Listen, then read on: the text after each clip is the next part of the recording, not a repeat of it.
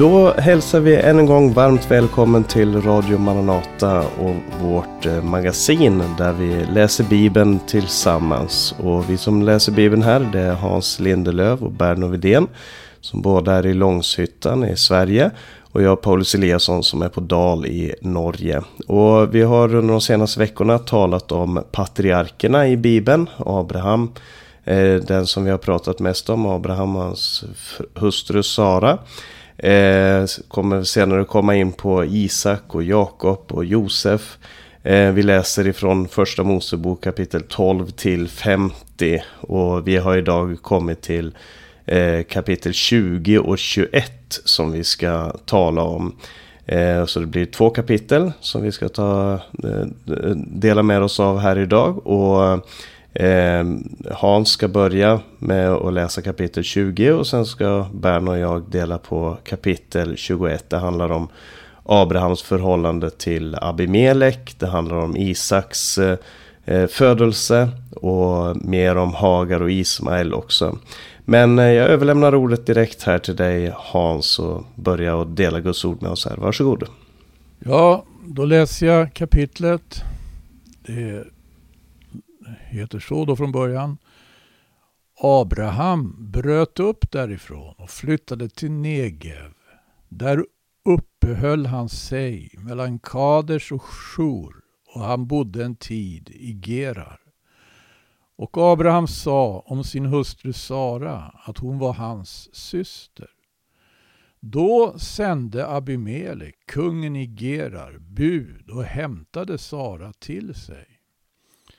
Men Gud kom till Abimelek i en dröm om natten och sa till honom Du kommer att dö på grund av den kvinna du tagit, för hon är hustru till en annan man. Men Abimelek hade inte rört henne och han svarade Herre, ska du döda även rättfärdiga människor? Har han inte själv sagt till mig, hon är min syster? Och hon sa själv, han är min bror. Jag har gjort det med uppriktigt hjärta och rena händer.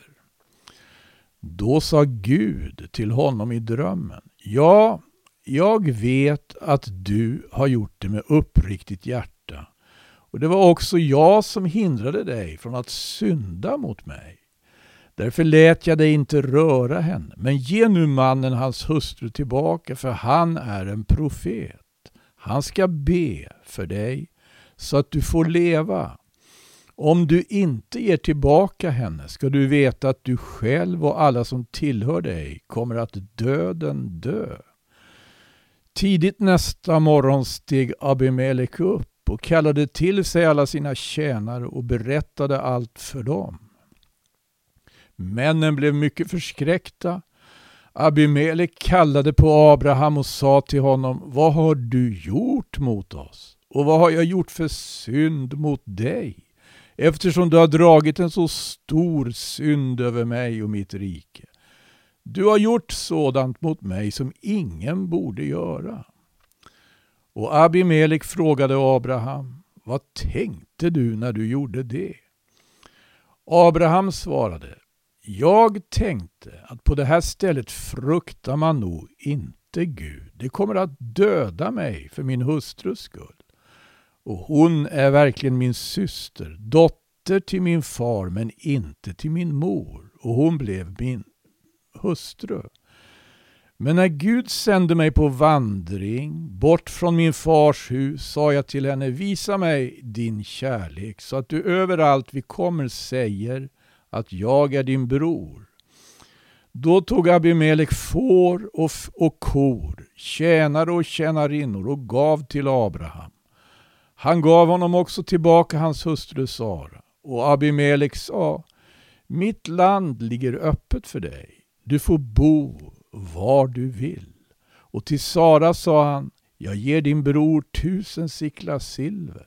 Det är en försoningsgåva för dig inför allt ditt folk så att du får upprättelse inför alla. Och Abraham bad till Gud och Gud botade Abimelek och hans hustru och hans slavinnor så att de kunde föda barn igen.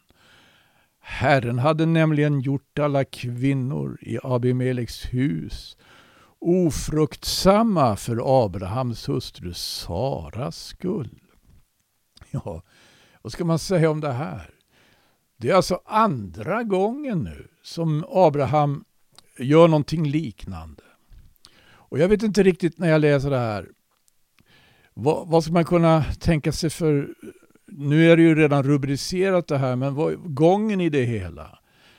Gud som hotar Abimelek kommer att bli den som botar Abimelek.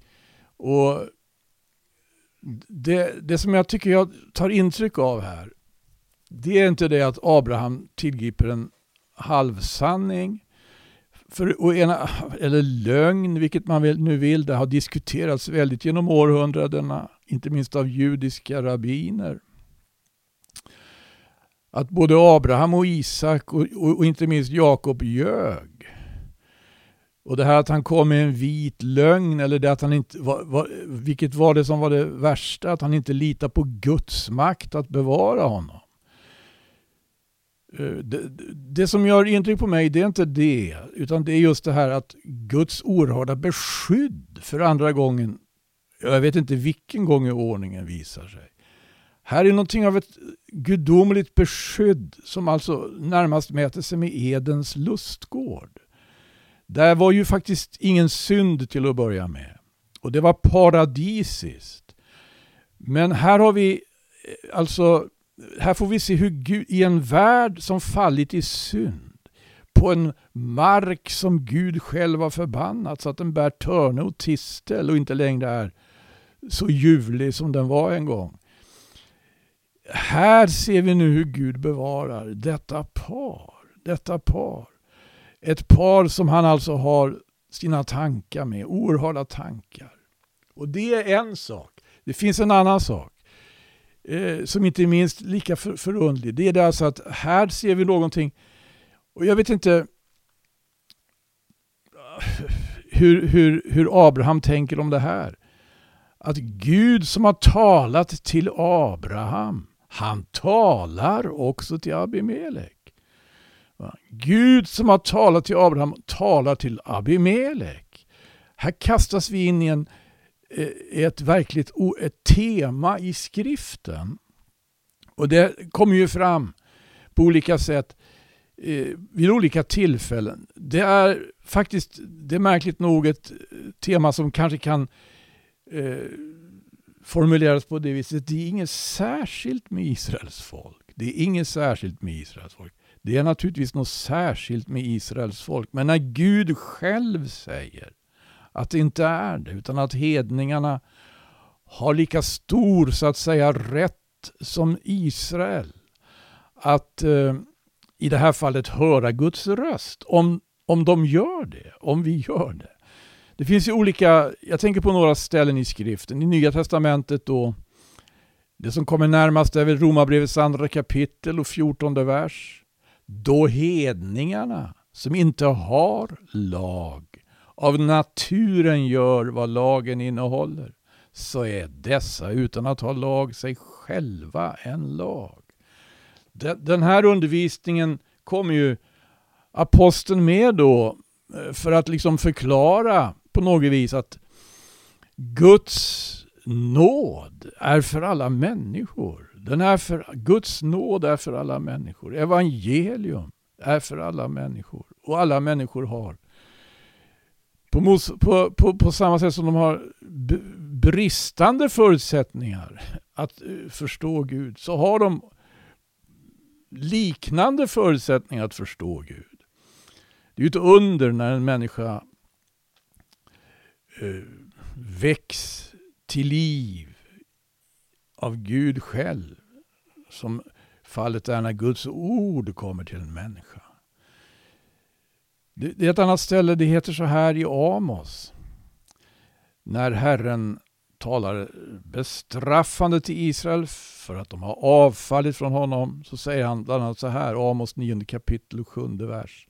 Är ni icke för mig lika med etiopiernas barn, ni Israels barn, säger Herren.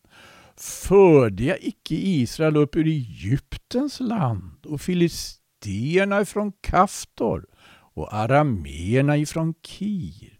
Här har vi det här. Det är inget särskilt med Israel. När Gud säger att det är inget särskilt med Israel, då, då, då får man se upp med, och komma med invändningar.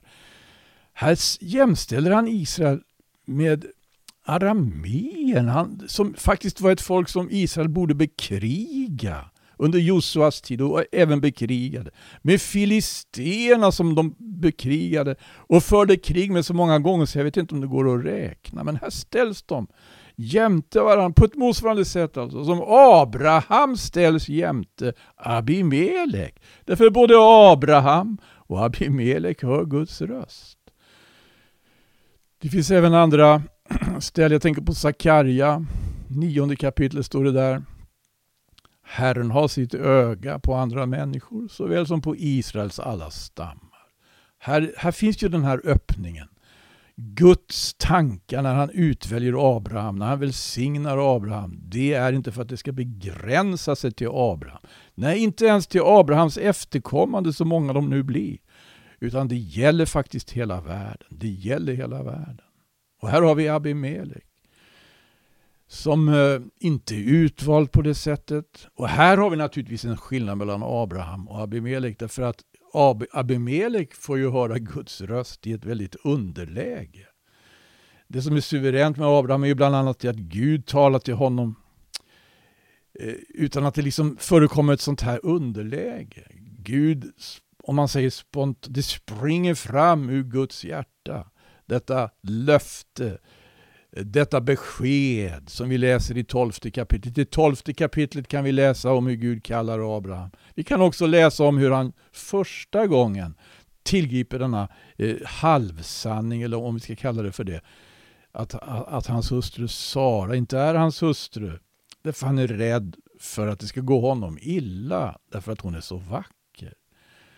Och det var inte utan vidare han hade de farhågorna därför att liksom det var i Egypten så är det också här nu. I Palestina om vi säger som så. I det utlovade landet där Abimelek, jag förstår är han väl en av filisternas för, förfäder va? Uh, han säger ju att eh, jag har gjort detta med uppriktigt hjärta och rena händer.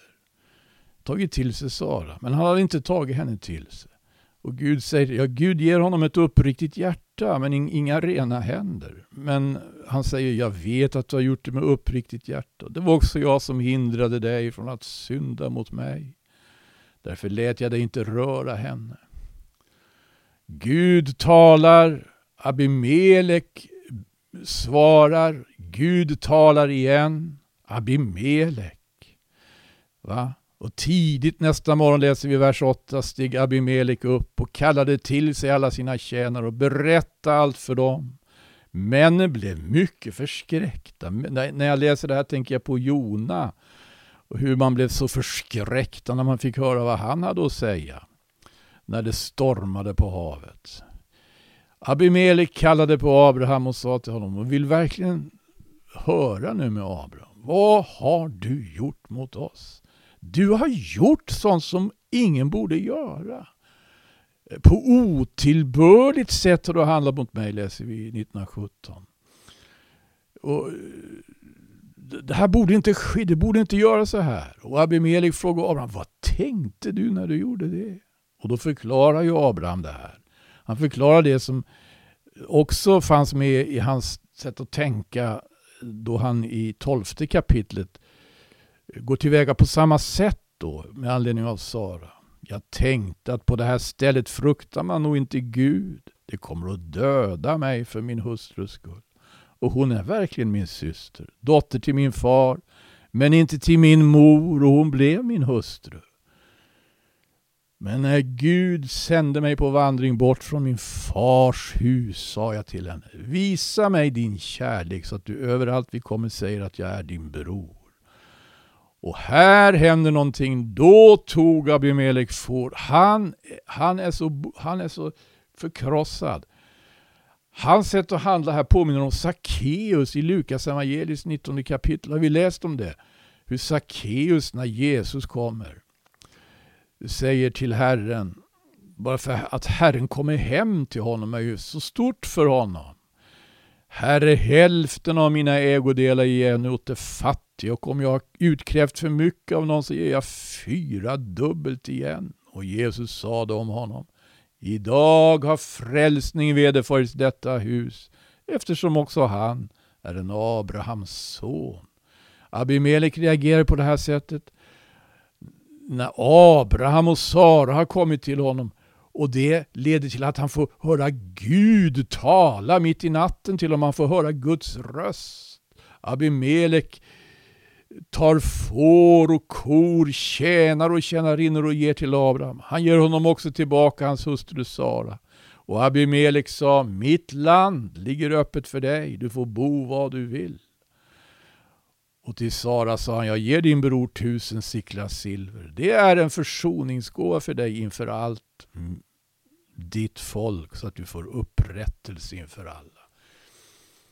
Han var verkligen ångerfull och han ville verkligen rätta till sitt misstag. Eh, på ett liknande sätt som Sackeus också var ångerfull och ville rätta till sina misstag. Och Abraham bad till Gud och Gud botade Abimelek och hans hustru. Gud hotade. Men när Abimelek lyssnade till Guds röst så botade Gud.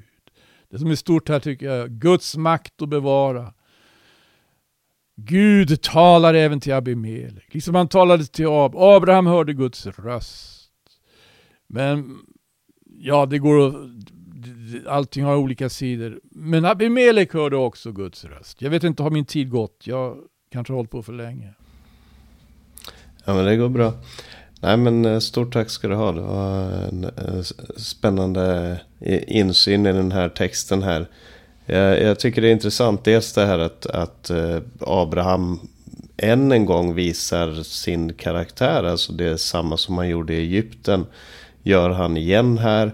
Men nu mot en man som på många, många sätt verkar som en mycket redligare, och, mm, redligare person än, än det farao var i Egypten. Och det här, det här mönstret kommer också upprepa sig senare i Isaks liv. Eh, märkligt nog skulle man kunna tycka, men, men det, det är verkligen en, en tematik det här. Hur man behandlar familjemedlemmar, hur, eh, Eh, vad, alltså vad man gör när man är rädd, hur man beskyddar sig själv och människor omkring sig och så. Det, det är ett stort tema. Men, men det här visar ju också väldigt mycket om Guds karaktär. På precis samma sätt som Abraham utmanade Guds karaktär i frågan om Sodom och Gomorra och sa Ska väl all jordens herre inte göra det som är rätt? Eh, ska du låta den rättfärdige förgås tillsammans med den orättfärdige? Så, så utmanar nu Abimelek eh, Gud och säger kommer du, kommer du göra det här mot mig när jag gjorde det här utan att veta om det? När ska du låta en rättfärdig man förgås? Eh, så det, det, är en forskning i, i, i Guds karaktär.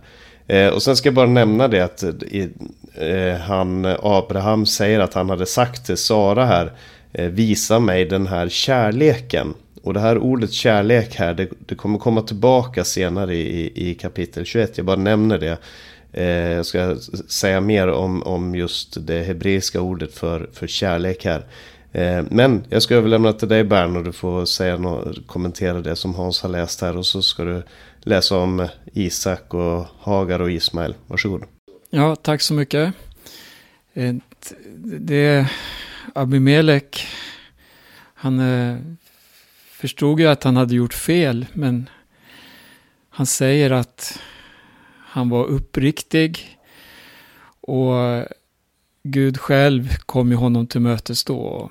Och Gud, det, det jag tycker är stort i det här sammanhanget är att Gud han är rättfärdig, han dömer ingen, han, eh, alltså på ett orätt sätt, utan han, han ser verkligen till hjärtat. Gud sa, jag vet att du har gjort det med ett uppriktigt hjärta.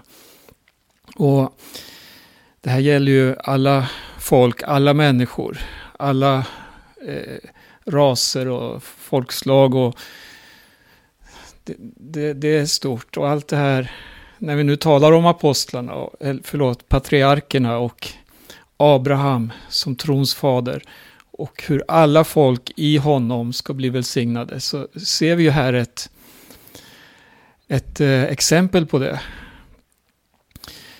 Eh, jag vill läsa nu i, i eh, 21 kapitlet då. Innan jag börjar med eh, själva texten här. Det här med Isak är ju en så stor och viktig händelse i Bibeln. Det är väl ett av de tydliga exemplen vi har eh, som förebild på Jesus. Detalj efter detalj kan vi se liksom hur Isaks födelse, den var efterlängtad som få andra. Det står så här i Hebreerbrevet 11 och 11. Genom tron fick även Sara som var ofruktsam kraft att bli mor till en ett, fast hon var överårig. Hon tänkte att den som hade gett löftet var trofast. Därför fick också en enda man, så gott som död, barn så talrika som himlens stjärnor och oräkneliga som sandkornen på havets strand. Här har vi löftet och också en del av uppfyllelsen då, för det här skrevs ju långt, långt senare. Och med det här i eh, bakgrunden då så eh, ska vi gå in i texten här i 21 kapitlet. Herren såg till Sara så som han hade lovat. Och Herren gjorde med Sara som han hade sagt.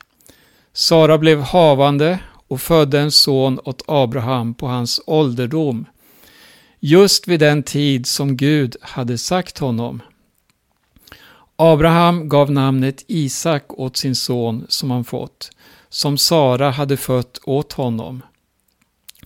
Och Abraham omskar sin son Isak när han var åtta dagar gammal, som Gud hade befallt honom. Abraham var hundra år när hans son Isak föddes. Sara sade, Gud har fått mig att le. Alla som får höra det här kommer att le med mig. Och hon sade, vem hade kunnat säga Abraham att Sara skulle amma barn? Men nu har jag fött en son på hans ålderdom.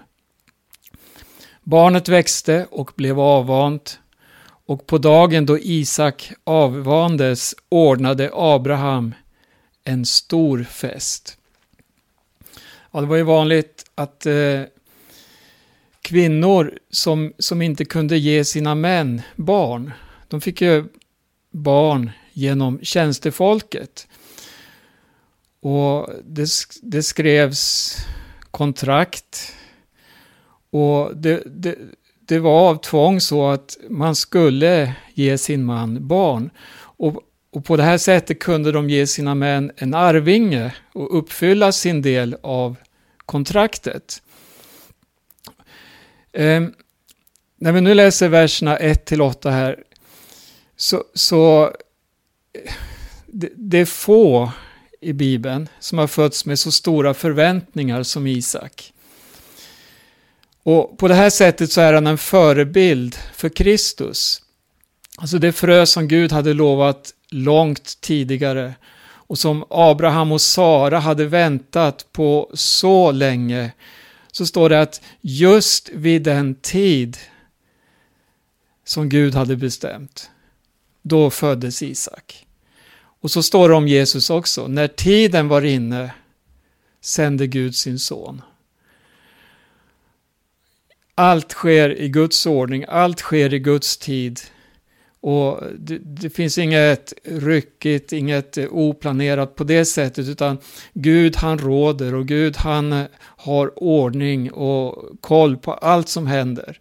För oss handlar det om att lita på löften och göra som Abraham, tro jag tror även när det ser ut som att allt har gått fel så att säga. Bara vi håller oss nära Herren. Och Isak föddes enligt löftet, den utsedda tiden då som Gud hade talat om.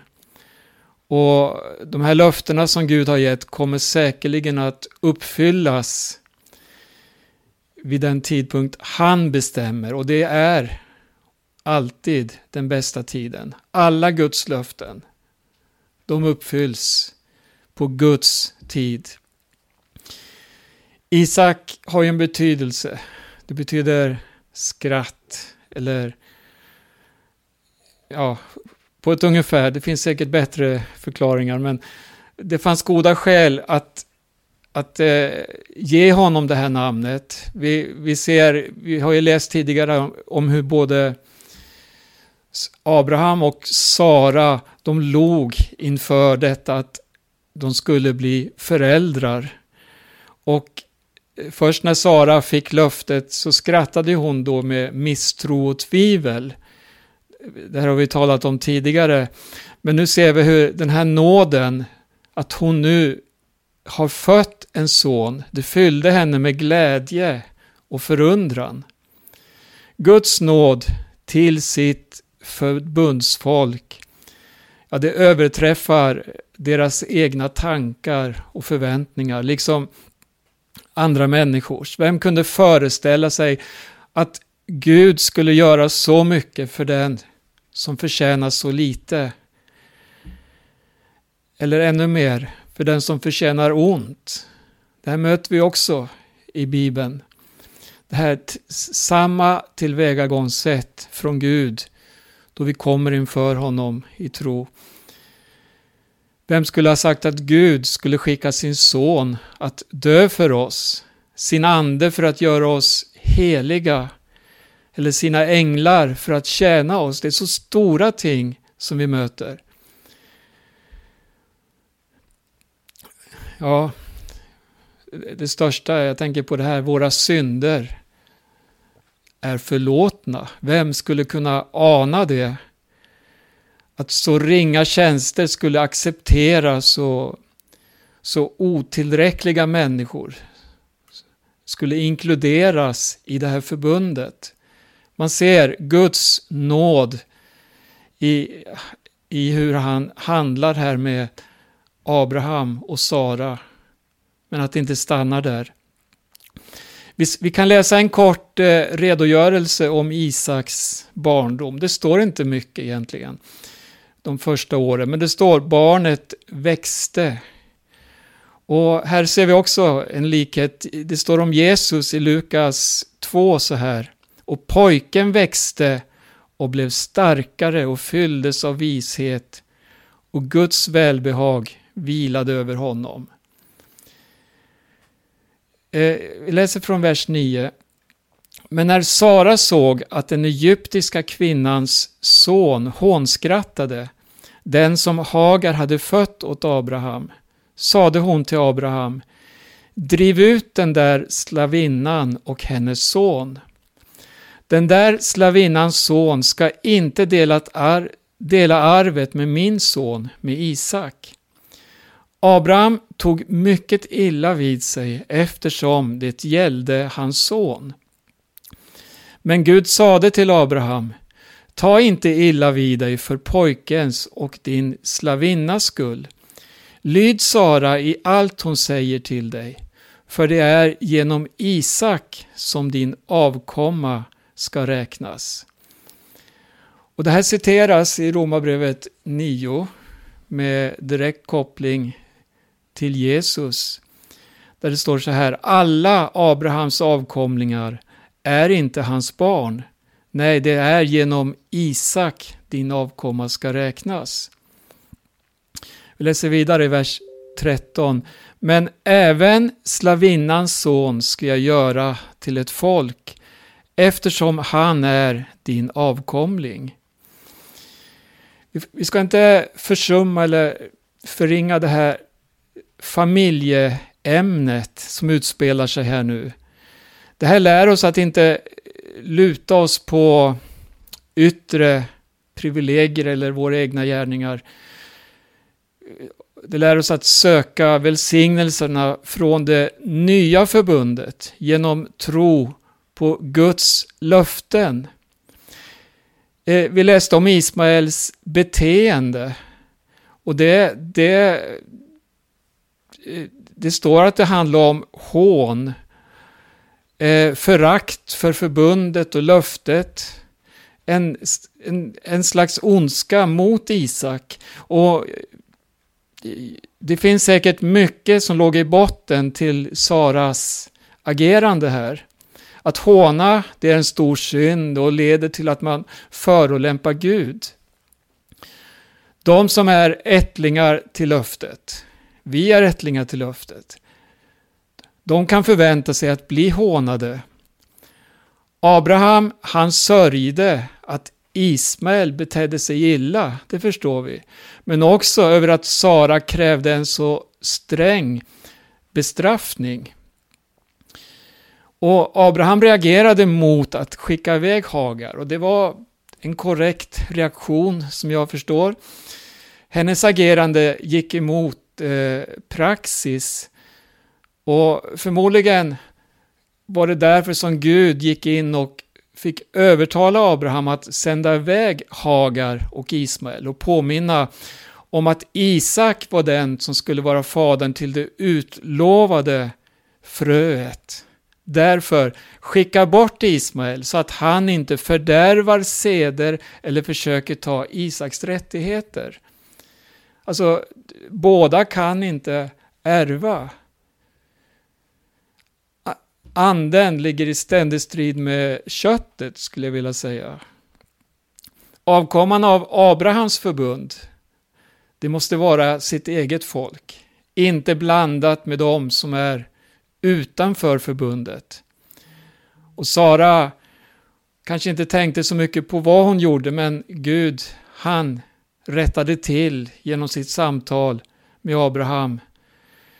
Och så står det i vers 14 då så här. Tidigt nästa morgon tog Abraham bröd och en lädersäck med vatten och gav det till Hagar. Han lade det då på hennes axlar och lät henne gå tillsammans med pojken. Hon gav sig iväg och irrade omkring i Bershebas öken. När vattnet i lädersäcken hade tagit slut övergav hon pojken under en buske och gick och satte sig en bit bort, på ett bågskotts avstånd. Hon tänkte, jag orkar inte se på när pojken dör. Där satt hon en bit bort och grät högljutt. Eller en annan eh, översättning säger att pojken brast ut i gråt. Vers 17. Då hörde Gud pojkens röst och Guds ängel ropade till Hagar från himlen och sade till henne Hur är det Hagar? Var inte rädd. Gud har hört pojkens rop där han ligger. Gå och res upp honom och ta hand om honom. Jag ska göra honom till ett stort folk. Och Gud öppnade hennes ögon så att hon fick syn på en brunn med vatten. Hon gick dit och fyllde sin lädersäck med vatten och gav pojken att dricka. Gud var med pojken och han växte upp och bodde i öknen och blev bågskytt. Han bosatte sig i öknen, Paran, och hans mor tog en hustru åt honom från Egypten. Ja. Eh, om Hagar och Ismael hade betett sig väl, om vi kan säga så, i Abrahams familj, ja då skulle de ha fått fortsätta vara där. Men de straffades rättvist, vill jag säga. Och vi förstår det på Guds eh, svar till Abraham. Vi kan förlora privilegier genom att missbruka dem. De som inte vet när de har det bra kommer att förstå värdet av barmhärtighet där den saknas. De fördes till öknen, men det sägs inte att deras förnödenheter tog slut eller att Abraham hade kastat iväg dem utan eh, medel då. Men det står att vattnet tog slut och efter att de hade gått vilse i det här varma klimatet så övervanns Ismael snabbt av trötthet och stört, törst. Guds snabbhet att hjälpa. Också när vi är i svårigheter. Det bör inte minska våra ansträngningar att också försöka hjälpa oss själva att välja rätt väg. Ängeln visade på en befintlig försörjning. Hon leddes till en vattenkälla. Ja, många som har skäl att tröstas går med sorg dag efter dag därför att de inte ser något skäl att vara glada. Men det finns en brunn av vatten nära. Det fanns det för Hagar och det finns det i nådens förbund. Och nåden sträcker sig, som vi ser, långt utanför det här ursprungliga förbundet. Vi får lämmas in i det här förbundet. Paran, det var en ödslig plats. Kanske en lämplig plats för en sådan som Ismael. Om vi läser fortsättningen av hans historia.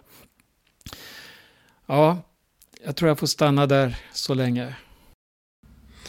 Ja, tack ska du ha Berno för de orden. Eh, hans, har du också några tankar om det som Berno har läst här? Eh, det här är ju oerhörda saker. Här har vi ju upprinnelsen till så väldigt mycket som faktiskt är väldigt högaktuellt i dagsläget. Abraham skulle få världen till arvedel. Räknar man, ser man till Abrahams ättlingar så är det ju faktiskt både judar och araber och i andlig mening då kristna, om kristna verkligen är kristna. En oerhörd skara människor. Ibland vilka har förts och förs fortfarande stora strider och bataljer. Och den här upprinnelsen den är ju så, så vardaglig på ett sätt och smärtsam naturligtvis och har men eh, det, det, det används som sagt av, som en illustration också av Nya Testamentets författare. Driv ut tjänstekvinnan och, hans, och hennes son. En svensk författare har ju tagit fasta på det här ämnet. En berömd författare, August Strindberg, har skrivit över det här ämnet. Tjänstekvinnans son. Det är ett väldigt ämne. Mm. Ja, tack ska du ha. Ja, nej, jag, jag, tycker att den här texten är, är väldigt speciell. Och jag, jag, bara lägger märke till någonting som, som står i slutet av texten här. Där det står Gud var med pojken. Och det verkar som att den här interaktionen mellan människor och med varandra eh, och var Gud befinner sig i de här situationerna Eh, är väldigt, det är ett väldigt tydligt tema i den här texten. Alltså i kapitel 20 ska, ska Abraham våga lita på att Gud är med. Han säger, jag tänkte för mig själv att i det här landet så fruktar man inte Gud. Okej, okay.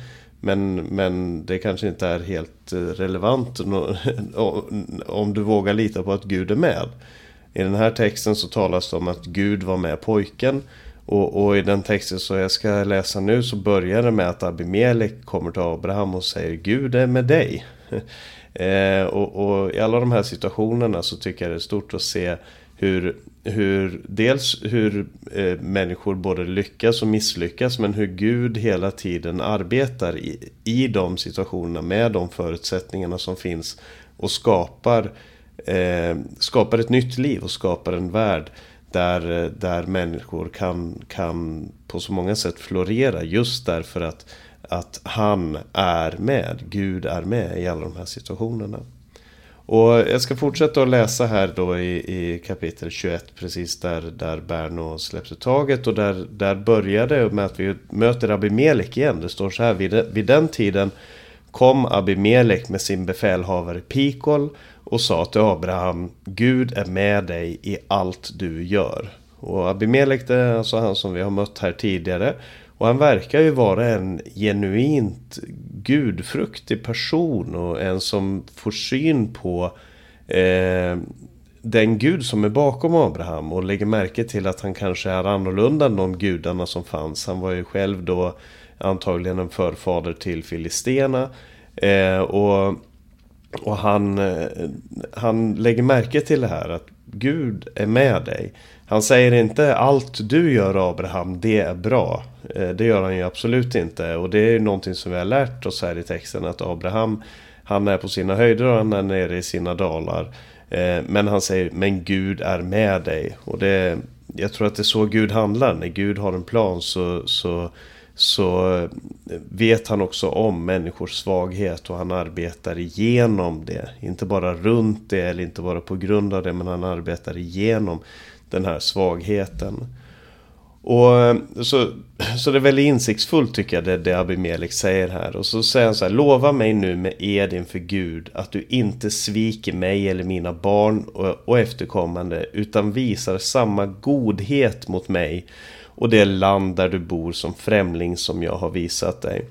Och här, det här ordet visa samma godhet mot mig som jag har visat mot dig.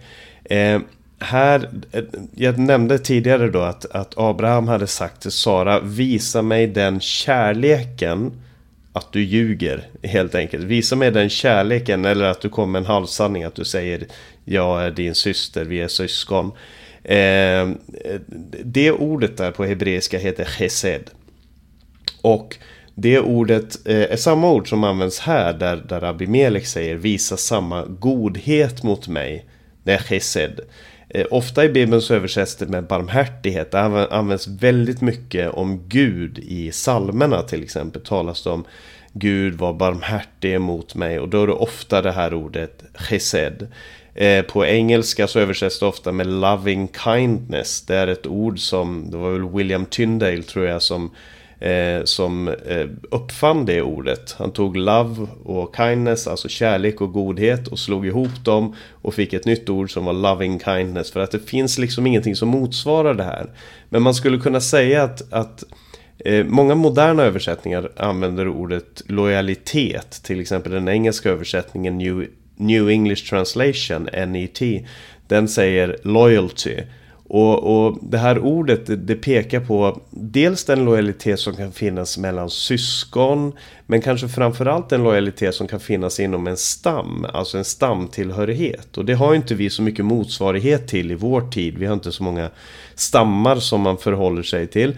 Men, men det här är band, jag tror vi kan känna igen oss ändå i det här med att man har band till något eller någon som man inte bryter det, det, finns där grundläggande oavsett känslor man har eller så, så är det vissa människor som man öppnar sin dörr för och säger att vi hör ihop. Och chesed det är det man har mot den som man är i förbund med. Eh, precis som, som Gud hade ju tidigare gett ett löfte till Hagar. Du ska gå tillbaka till Abraham och Sara. Såg vi för några kapitel sedan. Eh, och, och, för det barn som du bär på ska jag göra till ett folk. Och sen här i det här kapitlet så visar Gud Chesed mot Hagar och, och Ismael. Där, där eh, en Guds ängel ropar till Hagar, var inte rädd. Visar henne källan i öknen. Och Gud är med den här eh, pojken, lovar han att vara. Det är Gud som visar sin lojalitet. Och det här är också en, en när texten här är en, ett utforskande i både människors och Guds natur och deras lojalitet skulle vi kunna säga. Eh, det finns ett väldigt välkänt bibelord, i alla fall för, för oss som har lyssnat på broder eh, Kjell Roos då han levde. Eh, så citerade han ofta ett bibelord ifrån Jesaja 54 och 10. Och det här borde väl läsas på skånska men jag ska inte göra det. Eh, men han, han läste ofta det här bibelordet, det hade en stor del i ett vittnesbörd från hans hjärta där Gud hade hjälpt honom i en svår situation. Och där står det så här, och här används det här ordet chesed och här översätts det nåd. Det står så här, även om bergen viker bort och höjderna vacklar så ska min nåd, min chesed, inte vika från dig eller mitt fridsförbund vackla, säger Herren din förbarmare.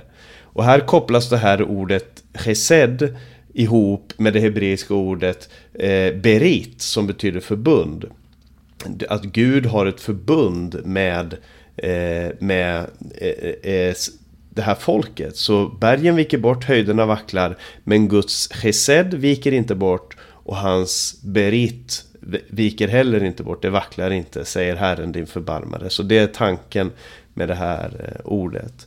Och sen så fortsätter texten, säger Abraham sa ja, jag svär. Men Abraham förebrådde Abimelek för att hans tjänare hade lagt beslag på en vattenbrunn Och Abimelek svarade, jag vet inte vem som har gjort det. Själv har du ingenting sagt och jag har inte hört något om det förrän idag. Då tog Abraham får och kor och gav åt Abimelek och de slöt förbund med varandra. Här verkar det som att Abraham har en önskan om att på något sätt rensa luften innan de går in i det här förbundet. Och det här är ett förbund som bygger på likhet. Abraham ser Abimelek som sin like och vice versa. Ofta när man ingick sådana här förbund så det, kunde det vara en, en härskare, en, en imperialistisk kung som, som Eh, eh, tvingade då en vasallkung att ingå ett, i ett förbund. Och då kunde man också göra ett sånt här förbund. Men, men här så handlar det om två likar som ser varandra och säger Gud är med dig. Gud är med dig. Jag vill komma in i det som du har tillsammans med Gud. Och um, som Abimelek hade gett gåvor till, till Abraham i kapitel 20 så ger nu Abraham gåvor till, till Abimelek Eh, i det här kapitlet för att de ska ingå den här pakten. Och sen så kommer det här eh, Men Abraham ställde sju lamm i jorden åt sidan. Då sa Abimelek till Abraham Vad betyder de här sju lammen som du har ställt åt sidan? Och han svarade Dessa sju lamm ska du ta emot av mig som ett vittnesbörd om att det är jag som har grävt brunnen.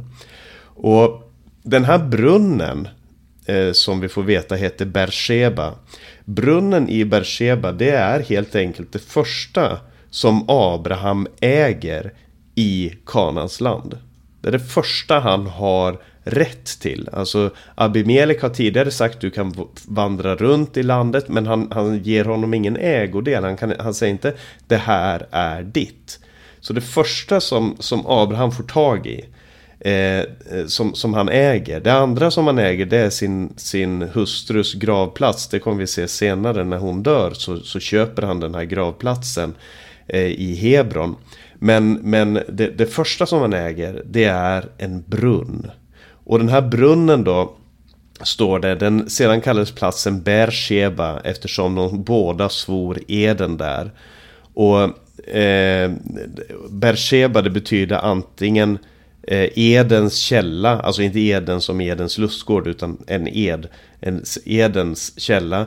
Eller de sjus källa kan det också översättas som och då syftar det, så det är nog ett, ett ordspel här, dels på att det var en ed som blev ingådd där och att det var sju, de här sju lammen som, som då var en symbol för, för att Abraham hade grävt den här brunnen. Och de slöt förbund, står det vidare, vid Bersheba och därefter bröt Abimelek och hans befälhavare Pikol upp och återvände till Filistenas land.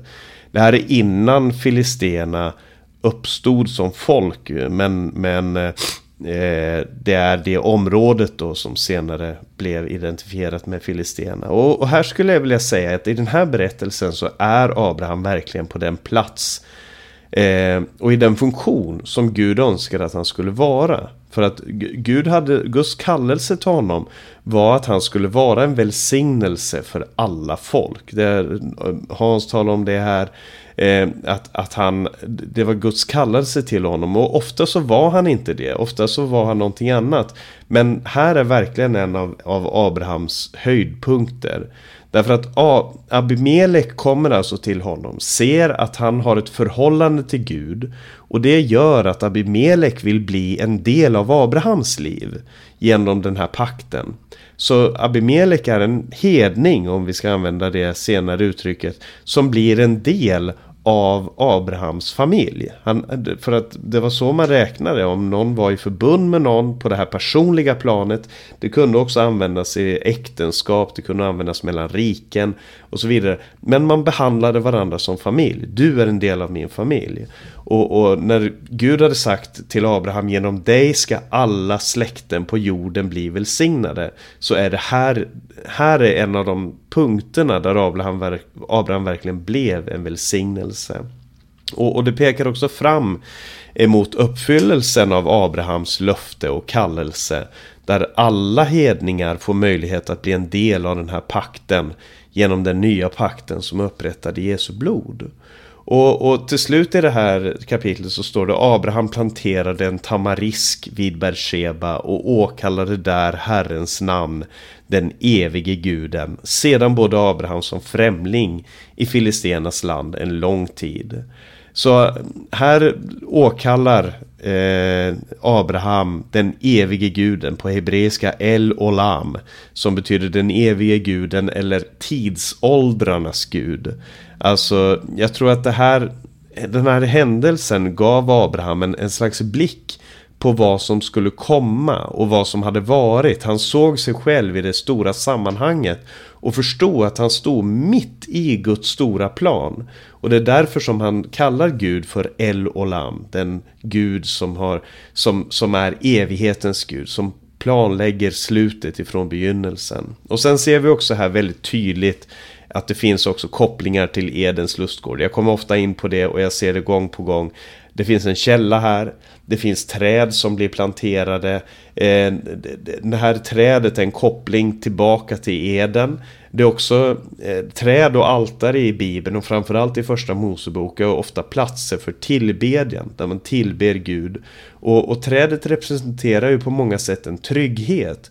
För man planterar inte ett träd om man inte har god tid. Alltså om det är krig, om man flyr, om man är främling, om man inte räknar med att man ska stanna på ett ställe så planterar man inget träd där. Men för att man måste vänta så länge innan man får antingen del av dess frukt eller får sitta i dess skugga. Men Abrahams liv visar här på en slags dubbelhet. Två gånger i texten här nämns det att han är främling. Och han fortsätter att leva som en främling. Men samtidigt så planterar han träd. Han ingår pakter med kringliggande kungar och härskare. Och det här tyder ju på att han har ganska långtgående planer. Han, han litar på Gud. Hebreerbrevet säger att han såg staden med de fasta grundvalarna.